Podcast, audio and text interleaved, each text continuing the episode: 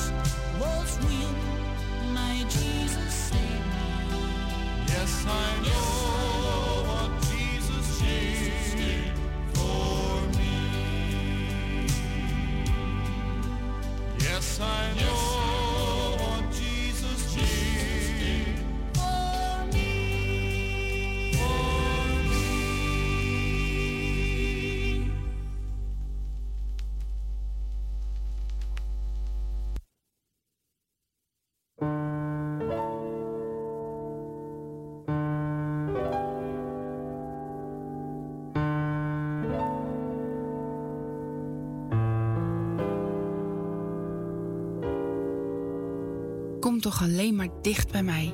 Je hoeft geen woord te zeggen. Mijn kind, mijn geliefde, dat ben jij. Heus, je hoeft niets uit te leggen. Ik weet precies wat er in je leeft en ik ken al je gedachten. Ik wil dat je het mij in handen geeft. Laat me toch niet langer wachten. Ik wil nog zoveel aan je kwijt. Ik wil je zoveel geven. Ik wil je helpen in je strijd. Open toch voor mij je leven. Er is niets dat ik van je vraag. Niets wat ik van je wil. Laat het slechts toe dat ik je draag. En verder, wees maar stil. Ik zie je angst, ik zie je pijn, ik zie een diep verdriet. Maar weet dat ik dichtbij wil zijn. Heus, ik vergeet je niet. Ik wil dat je het echt ervaart, mijn warmte door je heen. En dat je in je hart bewaart, Hij laat me nooit alleen.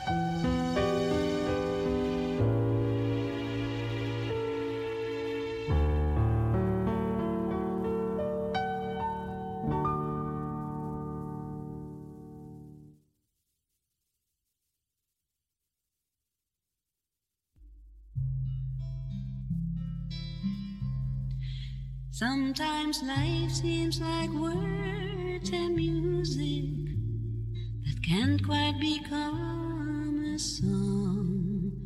So we cry and sigh, then try again. Wonder what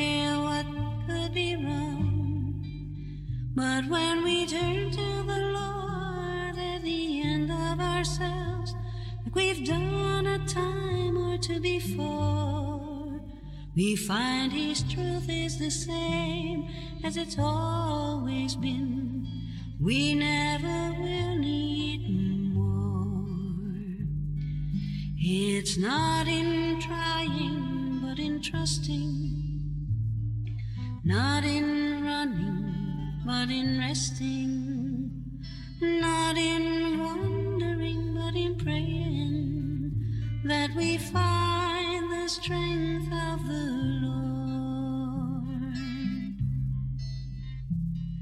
He's all we need for our every need. We never need be alone.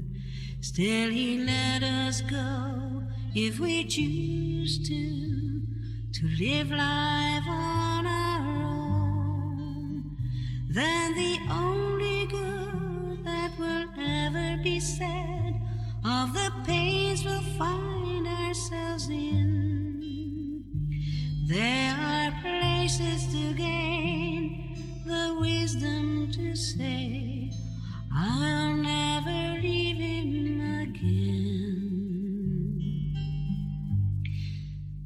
not in trying, but in trusting, not in running, but in resting, not in wondering, but in praying, that we find the strength of the Lord. It's not in trying, but in trusting, not in but in resting, not in wondering, but in praying, that we find the strength of the Lord. It's not in trying, but in trusting, not in running, but in resting,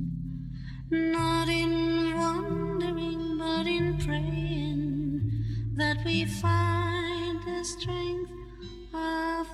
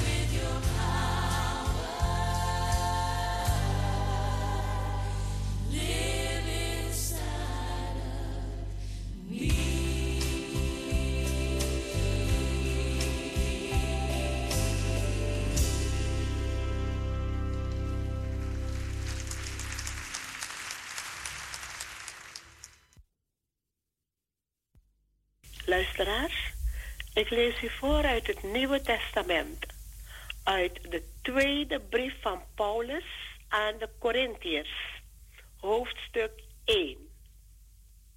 Paulus, door de wil van God een apostel van Christus Jezus, en Timotheus, de broeder, aan de gemeente Gods die te Korinthe is, met al de heiligen in geheel Achaia. Genade zij u en vrede van God, onze Vader en van de Heer Jezus Christus.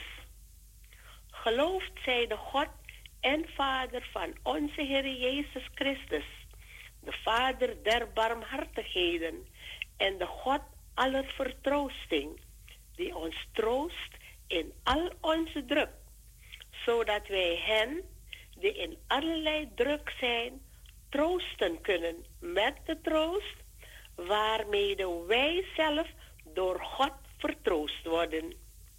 Want gelijk het lijden van Christus overvloedig over ons komt, zo valt ons door Christus ook overvloedig vertroosting ten deel. Worden wij verdrukt, het is u troost en heil. Worden wij getroost, het is u tot een troost die zijn kracht toont in het doorstaan van hetzelfde lijden dat ook wij ondergaan. En onze hoop voor u is wel gegrond, want wij weten dat gij evenzeer aan de vertroosting deel hebt als aan het lijden. Want wij willen u niet onkundig laten, broeders, van de verdrukking die ons in Azië overkomen is. Bovenmate en boven verbogen hebben wij een zware last te dragen gehad, zodat wij zelfs aan ons leven wanhoopten. Ja, voor eigen besef achten wij ons als ter dood verwezen, opdat wij niet op onszelf vertrouwen zouden stellen, maar op God die de doden opwekt. En Hij heeft ons uit zulk een groot doodsgevaar verlost en zal ons verlossen. Op Hem hebben wij onze hoop gevestigd dat Hij ons ook verder verlossen zal, terwijl ook Gij ons te hulp komt met uw voorbeden, opdat uit veler mond voor de genade ons geschonken veelvuldig dank gebracht worden voor ons. Want dit is onze roem, het getuigenis van ons geweten, dat wij in heiligheid en reinheid Gods, niet in vleeselijke wijsheid, maar in de genade Gods in de wereld verkeerd hebben, in het bijzonder ten opzichte van u. Want wij schrijven u niets anders dan dat wat, wat gij leest of begrijpt. Ja, ik hoop dat gij het volkomen zult begrijpen, gelijk gij reeds ten dele van ons hebt begrepen. Dat wij uw roem zijn, evenals gij de onze op de dag van onze Heer Jezus. En in dit vertrouwen had ik mij voorgenomen reeds vroeger tot u te komen, opdat gij andermaal een genadegift mocht ontvangen.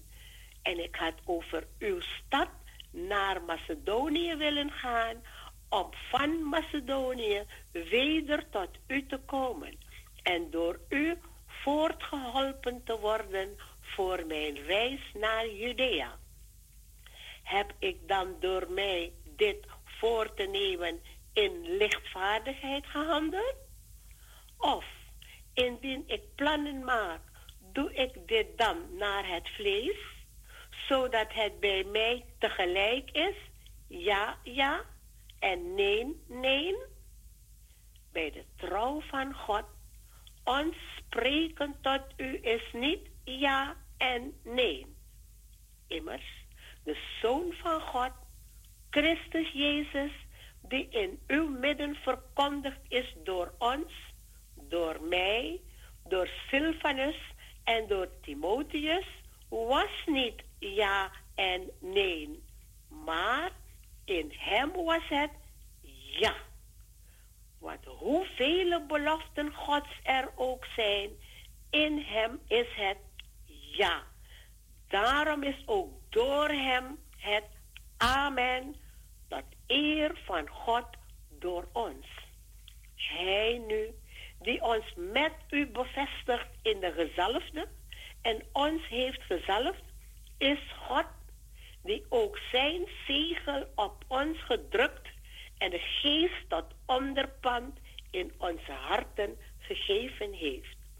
Maar ik roep God aan tot getuigenis, tot getuige over mijn ziel, dat ik, om u te sparen, niet meer naar Korinthe ben gekomen. Niet dat wij heerschappij voeren over uw geloof. Nee, wij zijn medewerkers aan uw blijdschap, want door het geloof staat gij vast. Tot zover de schriftlezing.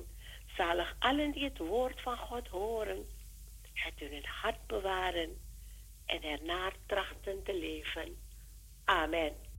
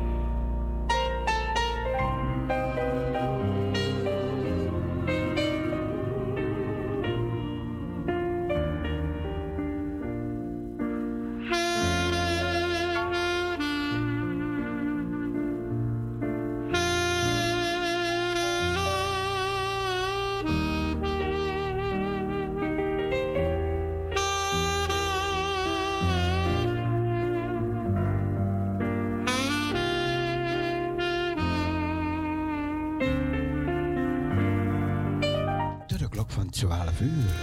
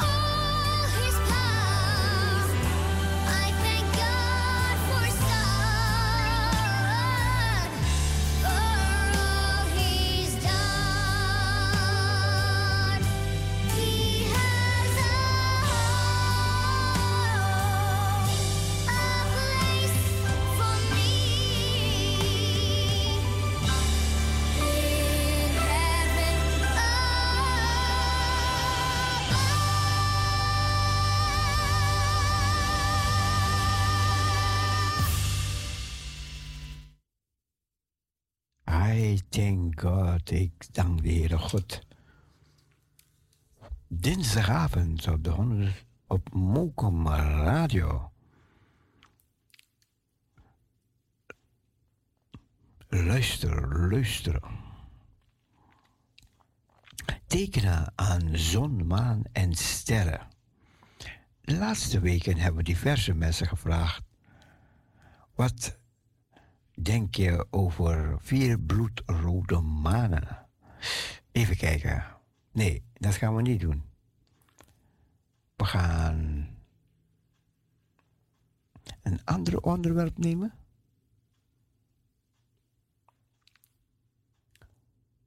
Een ander onderwerp gaan we nemen.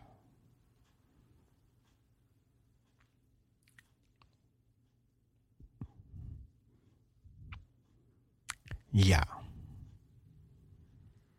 Delen, geven en vergeven. We leven weer toe naar Goede Vrijdag en Pasen. Dan gedenken we het onbeschrijfelijke zware lijden en het sterven van de Heer Jezus. En zijn glorierijke opstanding. Hij gaf, zijn, hij gaf zijn leven aan ons om mij te redden. Wat een wonder van genade. Als u twijfelt aan de liefde van de Heer Jezus, kijk dan naar het kruis. We kunnen ons niet voor, voorstellen hoe zwaar het lijden van de Heer Jezus is geweest. Ik kan er in ieder geval geen woorden voor vinden om dat te beschrijven. Het was niet alleen een lichamelijk lijden dat hij vrijwillig onderging, maar hij droeg ook al onze zonden en het oordeel, de vloek die wij hadden verdiend.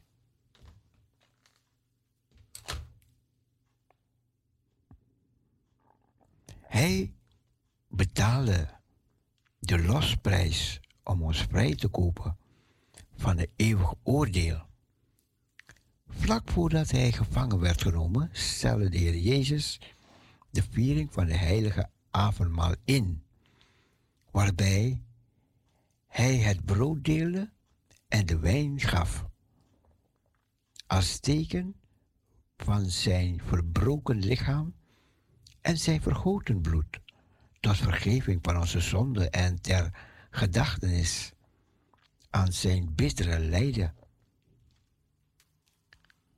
Als u twijfelt aan Gods liefde, kijk dan naar het kruis. Hij koos de pijn vrijwillig. Hij deed het speciaal voor u.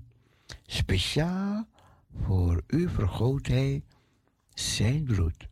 Speciaal voor u werd hij doorstoken met een speer. Speciaal voor u gaf hij zijn leven. Speciaal voor u werden de spijkers door zijn handen geslagen. Hij biedt zijn vergeving aan, gratis. Dat is genade. Het is echter geen goede genade. Hij heeft hem al, het heeft hem alles gekocht.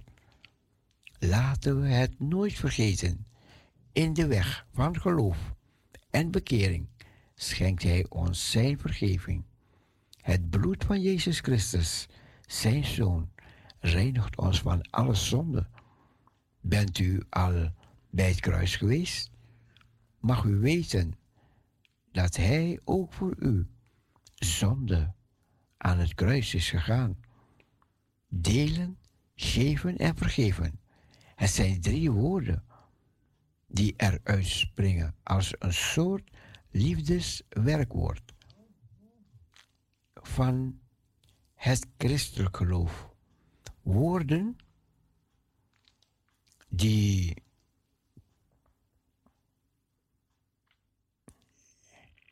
even kijken. Ja, woorden die ons iets te zeggen hebben.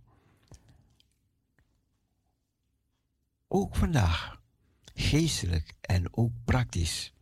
We worden opgeroepen het goede nieuws van het ge- gekruisigde en opgestaande Heer Jezus te delen.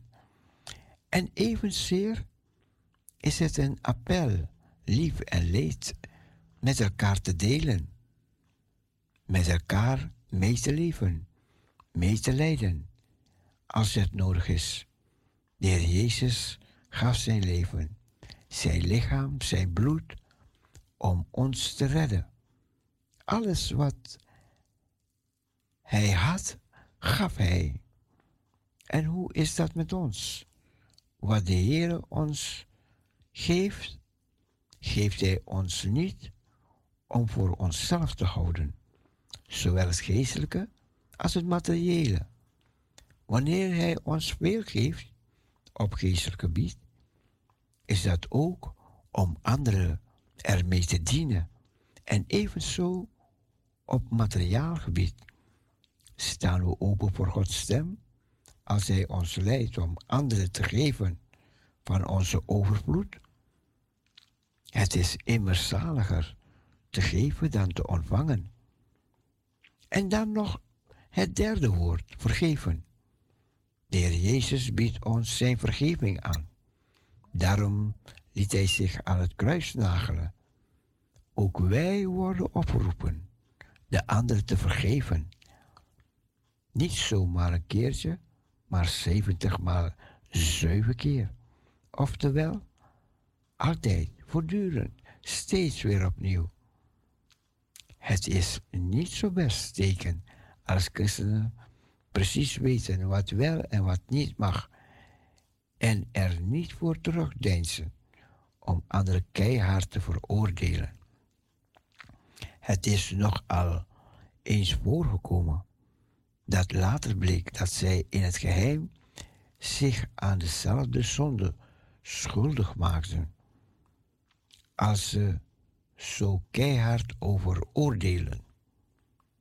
Iemand noemde deze boodschap van delend geven en vergeven hetzelfde, het elfde gebod. Denk er eens over na en laten we de weg van de Heer Jezus volgen, zeker nu in de eindtijd, nu de wederkomst van de Heer Jezus nabij is. Zijn weg van kruis, dood en opstanding tot zijn gedachtenis door in de praktijk te brengen.